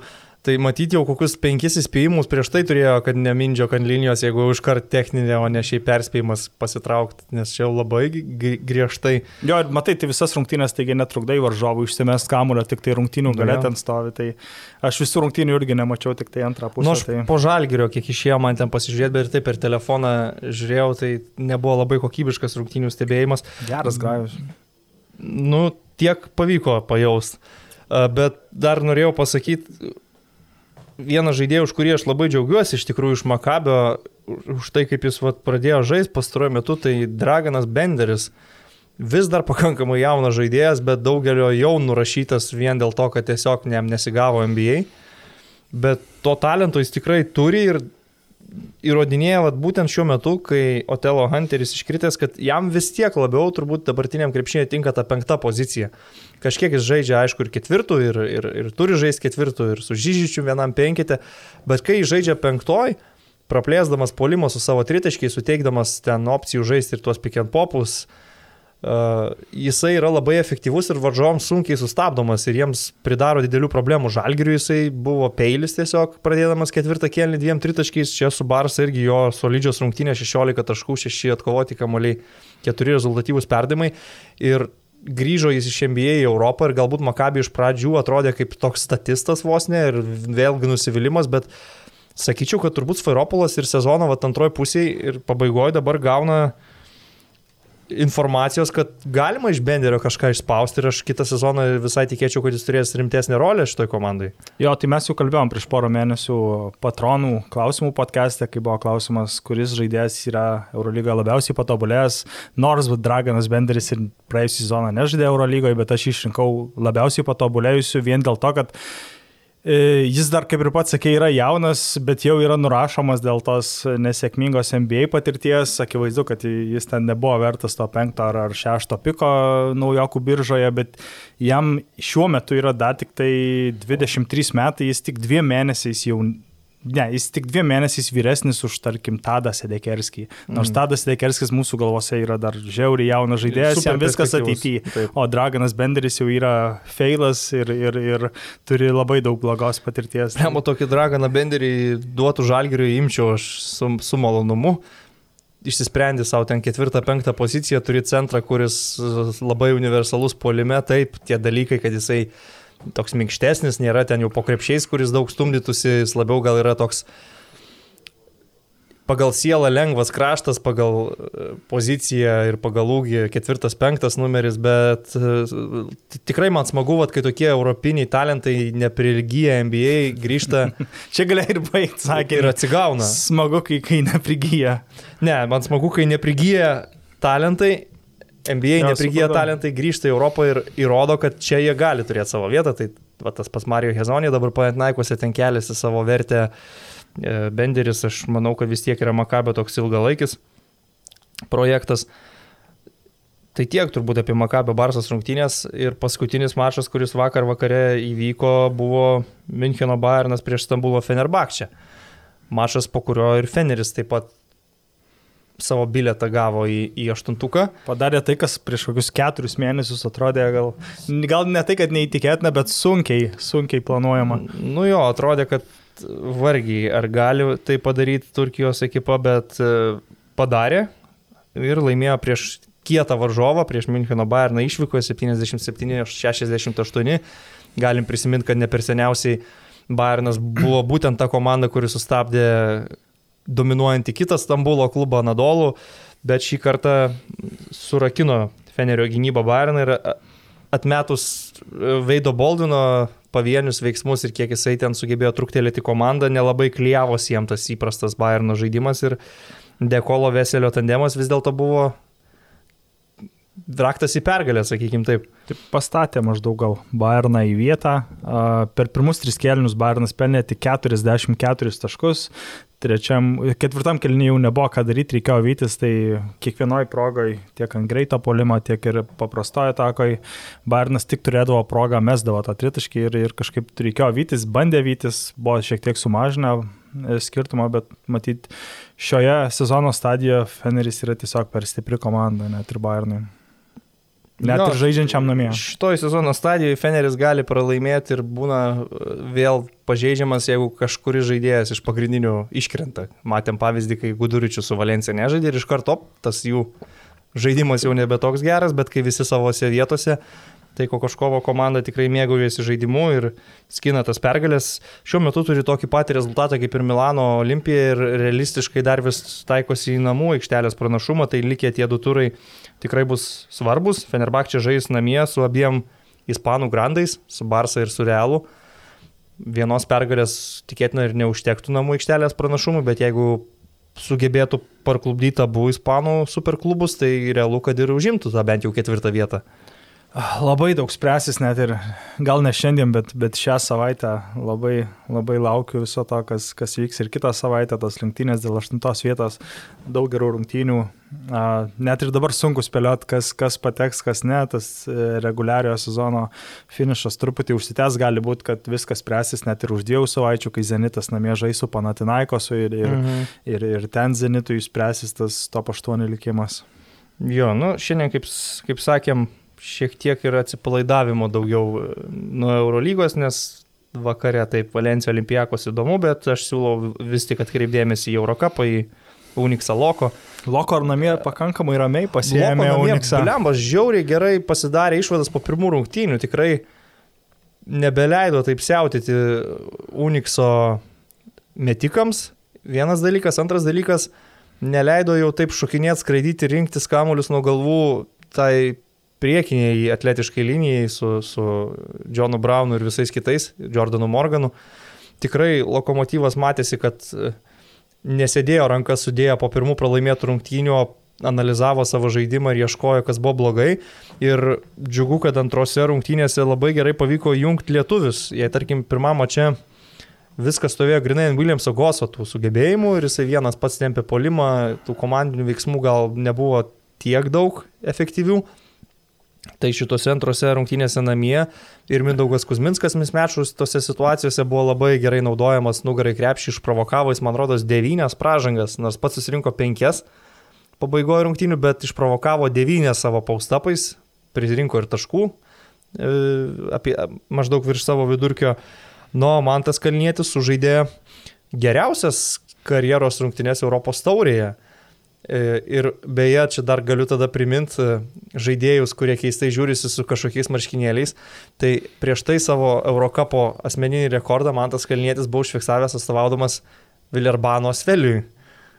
Nu, nėra labai įsiminęs kalnėtis su Asvelio marškinėliais. Net nebūčiau pasakęs. tai va, žaidė jis šiek tiek trumpai toj Tony Parkerio valdomai komandai, kai dar Eurocapė dalyvavo, bet... O pats Tony Parkeris visiškai neįsivaizduojamas su Charlotte's Hornets, Maikė. Nu jo, jo, tiesa, užbaiginėjo karjerą ten. Uh, tai va, man tas kalnėtis Kalniečio masterclass, aš gal net pavadinčiau šitas rungtynės, ant kiek jam pavyko gerai sustiguoti visą polimą ir pačiam priimti sprendimus, 23 taškai, 10 rezultatyvių perdavimų. E, lokomotyvas labai brandžiai sužaidė visų pirma nuo gynybos. E, čia ir buvo galbūt klausimas, ar jie gali apsiginti, kad jie gali užpulti akivaizdu, bet pagal gynybos skaičius Loko tarsi ir nėra viena iš tų gynybinių komandų. Tai tiesiog labai įdomu, kokį krepšinį mes pamatysim šiandien. Kaip be būtų, Kazanė turi namų aikštelės pranašumą, žaidžia namie lemiamas rungtynes, kas kam dabar primės savo žaidimą. Didžiulė intriga ir sakau, labai pats nekantriai laukiu rungtynių, jos prasidės 7 val. mūsų laiku. Prieš, prieš Lietuvą Italiją. Galima Kaip tik prieš Lietuvą Italiją, tai baigsis uh, Eurocapas ir dar bus kokias 40 minučių iki futbolo atsigaut. Atsigavimui. Kokie futbolo spėjimai?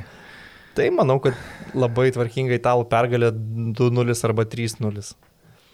Aš sakyčiau 0-0. 0-0, tiki? Tiki vyrais. Net netikėjimo reikalas, tiesiog man, jeigu reikia spėti, koks, koks Lietuvos rinktinės rezultatas ir vienintelis įsivaizduojamas geras rezultatas yra 0-0. Yra Lietuva su Italija sužaidusi 0-0. Yra ir 1-1. Yra ir 1-1. O su, su Ispanais 0-0 dar yra sužaidę namie. Taip, Žalgirio stadione. 2-4. Dar gal trumpai perinom per, per standingsus. Dabar Bayernas yra šeštoje vietoje su 19 pergalių.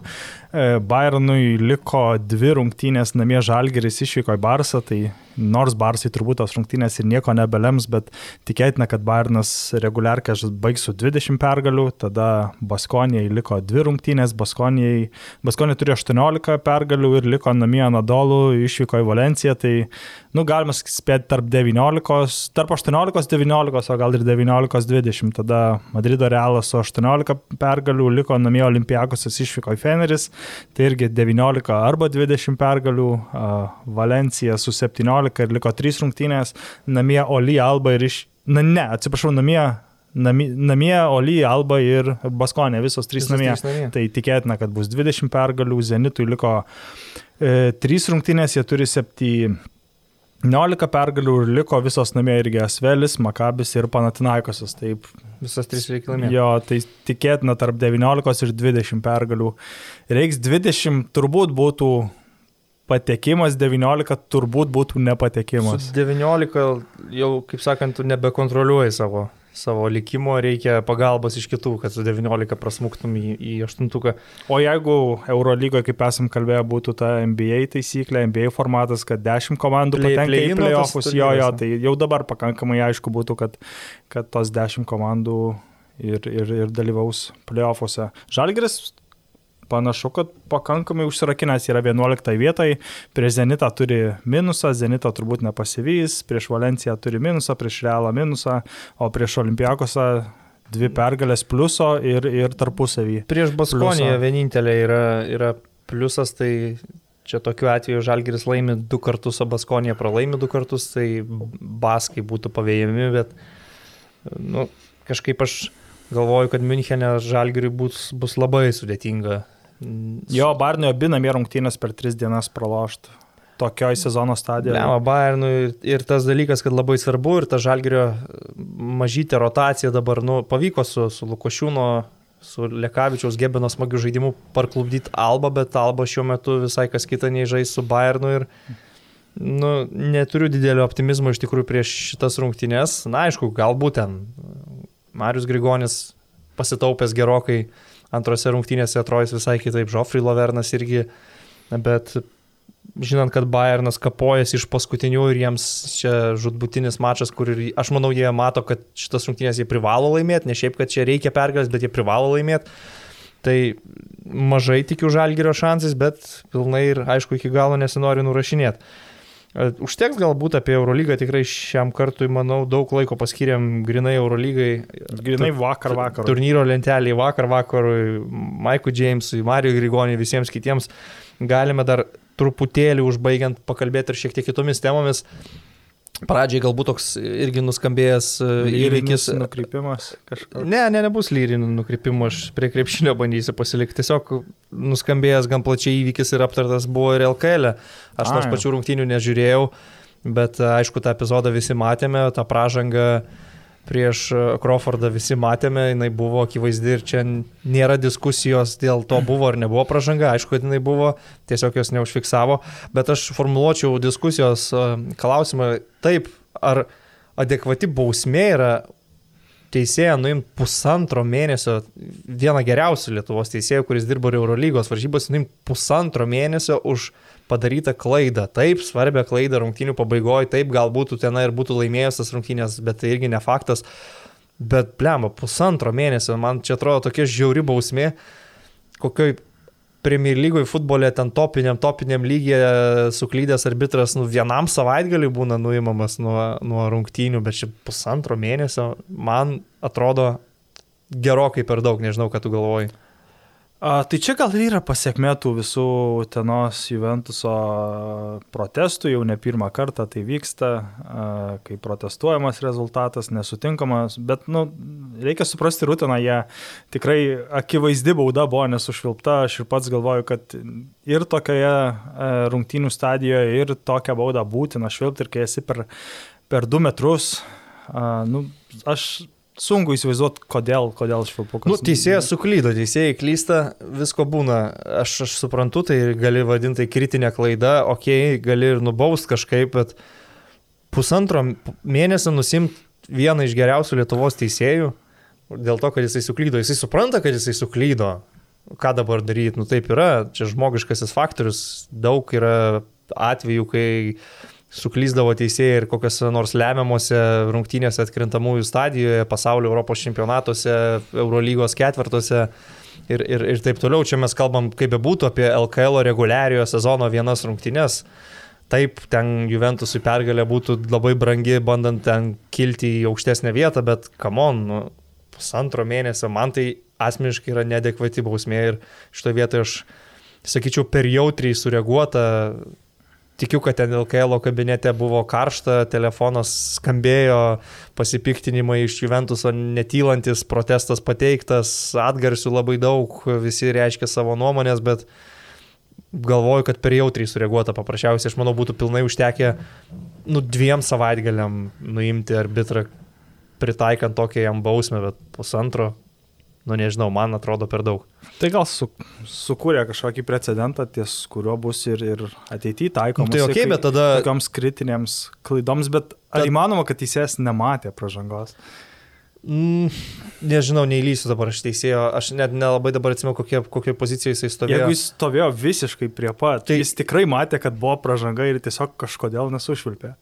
Jeigu jam atsirado abejonė ir jeigu tu turi abejonę, nu, va ir būna, kad nesušripi, nu, man tai yra tokie žmogiški dalykai ir, ir nepriemė to teisingo sprendimo, okei, okay, bet, va, kaip tu sakai, gerai, nu, tai vadinasi, mes čia nusibrėžėm lygos standartą, tai tada tai, į ateitį žiūrint, aš dabar taip suprantu, visi teisėjai, kurie nesušilps, pavyzdžiui, žingsnių paskutiniam sekundėm nepamatys, pusantro mėnesio turės ilsėtis lemia. Nu, čia nebuvo tokios eilinės rungtynės. Nu, bet ką reiškia nebuvo eilinės rungtynės? Tai tu, tu kaip lyga savo komandų neskirstai į svarbesnės ir mažiau svarbės. Nu, tai žais Dukyje su prienais, teisėjas nesušvilps žingsnių ar, ar pažangos likus trim sekundėms, nu, tai bam pusantro mėnesio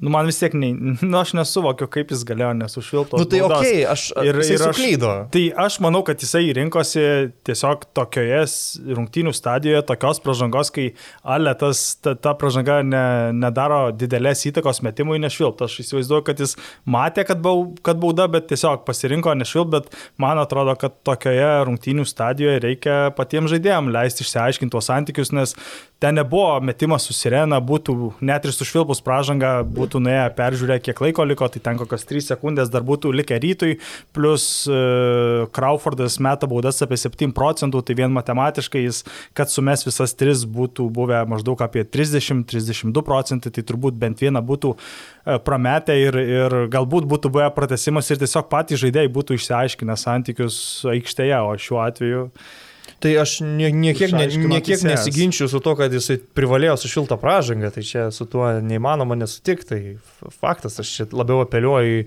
į pritaikytą bausmę po rungtynių mačo arbitrui, nu bet gerai. Čia irgi gali būti įvairių nuomonių, kiti gal sakys, kad iš viso čia per mažai nubaudė. Nors keista man būtų tai girdėti, bet tokiai. Tai jeigu playoffuose, tarkim, kokiam pusfinalys suklystų, tai gal nuo pusės kitą sezoną. Bet čia dar taip, žinai, atrodo, kad mes turim nežinau, 12 elitinių teisėjų, kad galim lengva ranka nuiminėti savo geriausius teisėjus už jų padarytą klaidą ir, ir, ir fine, žaidžiam toliau, nes turim tų arbitrų, tai va šitas šiandien švilpšys. Nu, čia turbūt buvo rezultatas to chaoso, kurį, kurį sukėlė Utena tai savo pranešimais jau trečius ar ketvirtus metus iš eilės, kad juos skriaudžia būtent prieš rytą, jau vien, jau vien burtais LKL įskriaudžia, nes būtent visą darytą ištraukė karalius Mindugo tauriai ir paskui dar juos skriaudžia ir teisėjai visą laiką. Tai čia turbūt buvo to spaudimo pasiekmė. Nu, tikriausiai tu teisus.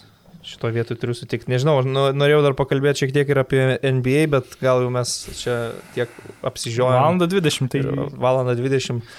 jeigu nori, jeigu turi dar noro, paskirti e, Tai septynias užsukom minutės. žmonės gal vis tiek daugiau laisvadienį Jo. turės per Velykas. Per tai- Velykas gal išklausys, o jeigu neklausys, tai va šitą vietą ir nujungs, kam MBA neįdomu, tai čia ne problema. Arba mus nukirps tiesiog. tiesiog vis tiek buvo, buvo NBA paskutinė ta mainų diena ir po mainų dienos dar pasipildymai žaidėjų, kurie paliko savo komandas, buvo išpirkti kontraktai. Nemažai to tokio judesio tikrai pasikeitimų, kuris galbūt perėjimas, e, sandoris, mainai, kurie tau atrodo reikšmingiausi ir daugiausiai keičiantis arba tiesiog tau asmeniškai įdomiausi. Man įdomiausiai mainai, tiesą sakant, neįvyko, nes kažkaip galvojau, kad praėjusį antradienį Kailas Lauri tikrai užsižaidė paskutinės rungtynės už Toronto Raptors. Galbūt jis būtų grįžęs pabaigti karjeros ten kokiam vienom rungtynėm ar dešimt dienų kontraktui, bet visą tai net neįvyko. Kaila- Kailas Lauri toliau yra uh, Toronto Raptors narys, toliau žaidžia namų rungtynės Tampoje ar kur jie ten Jo, žaidžia. Tai, Floridai.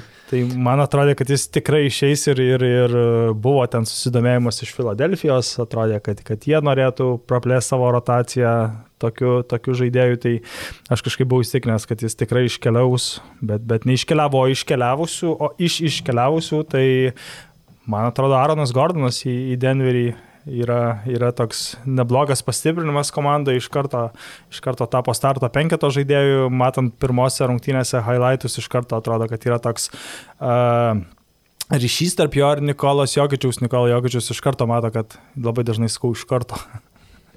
Ma, ma, mato e, perdavimų linijas, mato e, įbėgantį Aaroną Gordoną, e, kaip mėgsta Nikola Jokičius pasuoti net ne žaidėjų, bet į plotą, tai Jo. jis atlieka tos perdavimus po krepšiu, Aaronas Gordonas lengvai renkasi taškus, tai man atrodo, čia toks yra rimtas papildymas Denveriui, nes e, tiesiog taip jau yra NBA, kad ne viena komanda nežino, kada yra tas jų langas link titulo. Jeigu, tarkim, šį sezoną būtų, būtų neįvykę tie, tie mainai, tu nežinai, ar prasitęsi savo žvaigždės kitam sezonui, jei turi kontraktą, nežinai, kada įvyks kokia trauma, kada visą tai nusikels, tai jeigu tu turi langą, tu turi stumti visus čipsus tam sezonui, kaip padarė, tarkim, Torontas prieš du sezonus ir, ir tikėtis tos sėkmės istorijos.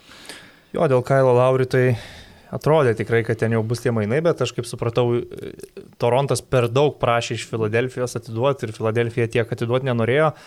Paskutiniai, kaip bebūtų Kailo Lauri kontrakto metai, to didelio kontrakto jis taps neapribotų laisvų agentų, tai žiūrėsim, ar, ar turės noro baiginėti karjerą Toronte su veterano sutartimi, ar bandys vis tiek jungtis prie kažkurios iš tų potencialiai čempioniškų komandų, nes su Raptoriais artimiausių metų mm, nu, nesišviečia pakartot tą šlo- šlovės kelią. Nors pernai nedaug trūko iki... iki... Jo, bet jie dabar nu, dar atrodo šiek tiek Konfos finalo ir galbūt ir iki finalo. pasilpnėję ir nebe tokie stiprus. Ir, Taip, ir, taip.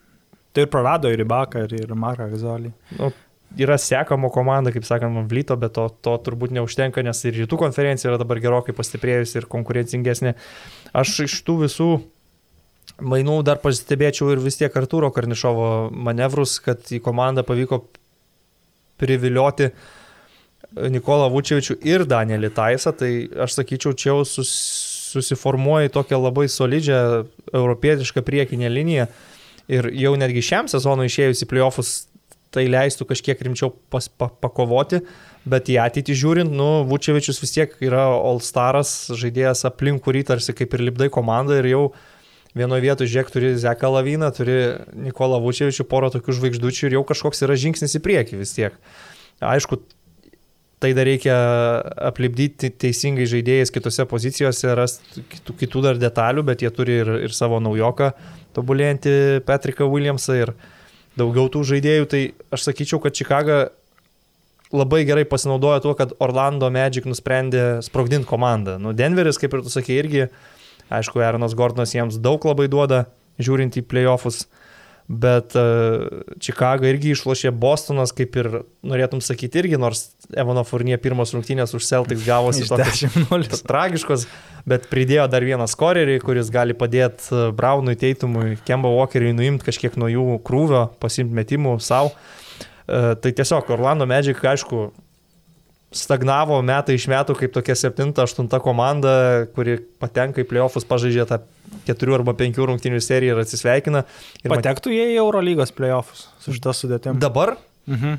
Jeigu vat, juos įmestų 34 rungtynių maratonų Eurolygoje. Kaip tarkim, kaip olimpiakosas vietinės ir Lemba, aš dabar, dabar ne, ne visai pamenu pilną tą jų sudėtį po visų mainų atliktų, kas ten pas juos pirmais smūkiais grįž dabar. Terensas Rosas ten žvaigždė komandos tampa. Man atrodo, į startą iš centrų eina olimpiakos aukštūgis Kemas, Kemas Birčas. Birčas.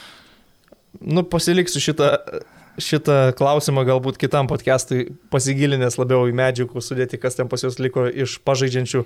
Bet tiesiog tas jų vat, sprendimas sprogdinti komandą galbūt ir teisingas, nes tu su ta komanda jau atrodo nieko nebegali pasiekti. Metai, antri metai turėjai vat, sudėti Furnie Vučevičių Gordoną, išeini į playoffus ir tuo viskas pasibaigia. Ir galbūt taip iš tikrųjų, matydami tų žaidėjų kontraktų situacijas, kažkurie, kažkuriam iš jų buvo likę vieni metai, kitiems po dviejus metus, nusprendė, kad va, dabar yra tas momentas, kai mes turim bandyti pradėti iš naujo ir, ir tiesiog, va, išmainom visus. Orlandė į startą eina Michaelas Carteris Williamsas ir gauna 32 minutės. Tai Michaelas Carteris Williamsas į startą ėjo dar ir su Vučevičiumi Furnie ir Gordonu. Tai čia dėl to, kad uh, sunkia trauma patyrė šitas, kaip jisai uh, iš Sikserių. Neatsiminsiu, aišku. Nu, tikrai atsiminsi, tikrai žinai, nes mes kalbam apie naujoką aukštą šaukimą su keista metimo technika ir kodėl man jo pavardė. Ai, Markelė Fulcas. Markelė Fulcas. Nu, tai dėl, dėl jo sunkios traumos Carteris Williamsas palipo į startinį penketą. Tai Orlando veiksmus galima prisiminti ir, ir penkiais metais ar keturiais metais anksčiau, kai jie Taigi Orlandas ir draftino Domantą Sabonį, ne kažkuri kita komanda ir vėliau su Viktoro Oladipo kartu išmainė į Seržą Ibaką. Mhm. Tai, tai galim prisiminti ir tuos minus ir turbūt, kad, kad e, Oladipo ir Sabonis būtų Orlandui ilgoje distancijoje davę daugiau naudos negu Seržo Ibakos vienas sezonas, man atrodo, Orlandė. Bet jie ten irgi į Torontą keliavo. Tam ir rėmė turbūt jį, kad išsivalytų paskui pinigų algų kepurė, bet tokio marketo vat, komanda ir yra, atrodo, užburtas ratas ir ar jiems kažkada iš vis pavyks vėl pataikyti. Kažkada turėjo gerą komandą su, su Stenu Vangandy, kai žaidė Dwightas Howardas, Džemiras Nelsonas, Rašardas Liujisas, Hido Turkoglu išėjo į NBA finalą, bet dabar jau eilę metų yra tokia komanda apie nieką ir tu tipo išsivalai, turi pinigų, bet prisirašys vėl kontraktų lempinių su žaidėjais, kuriems reikės permokėti, nes Nes kitaip nepri... Pirmos lentynos žaidėjus negali Orlandą atsivežti kaip, kaip laisvų agentų. Ir vėl turėsi naują variantą Vučevičiaus Furnier ir, ir Gordono, su kuriuo gali užimti septintą vietą rytuose. Nu, taip atrodo. Nebent vat, kažkada hitinsi tą aukso gyslą naujokų biržai. Kaip Milvokis su Janu. Jo, paės ir, ir tada jau prasidės tikras rimtas projektas. Jo, bet čia toks, kur reikia išsitraukti uh, tą laimingą bilietą iš kokio šimto tūkstančių kartą per 30 metų.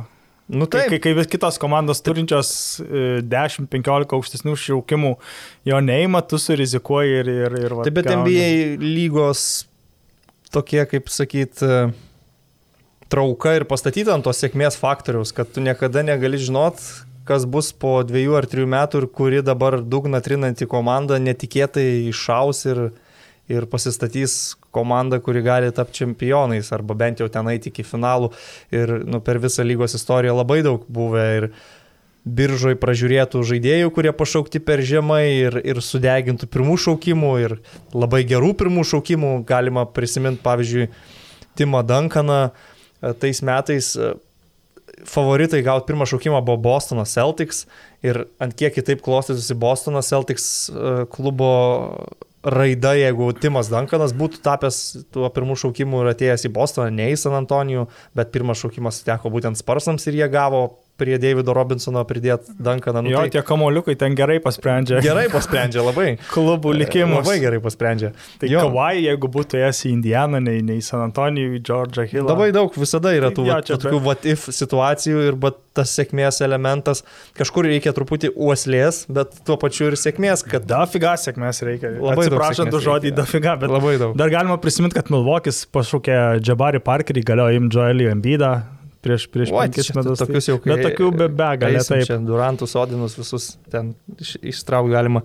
Uh, dar aišku, tie papildymai tokie komandoms, kurios kovoja dėl žiedų. Tai Bruklino Nets prie savo kompanijos dar prideda Markusą Aldridžą, kuris paliko sparsus. Uh, Lakers stiprina priekinę liniją Andrė Dramondu.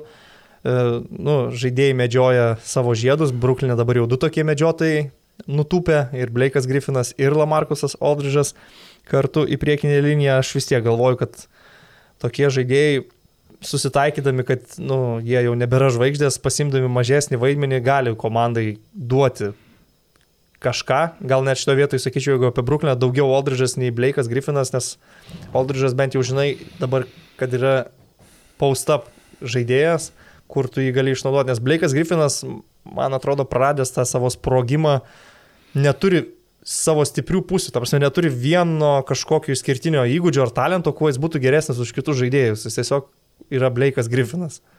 Jo, buvo prieš penkis ar šešis metus žiauriai geras sezonas žaidęs su Clipperiais. E, trečias MVP balsavime buvo, tikrai buvo tų gerų jo metų, bet vėliau dėl traumų ir dėl šiaip senėjimo sprokstamoji e, jėga dingo ir, ir jis nėra toks, toks žaidėjas, kuris galėtų greitai transformuoti save iš to e, ri, a, e,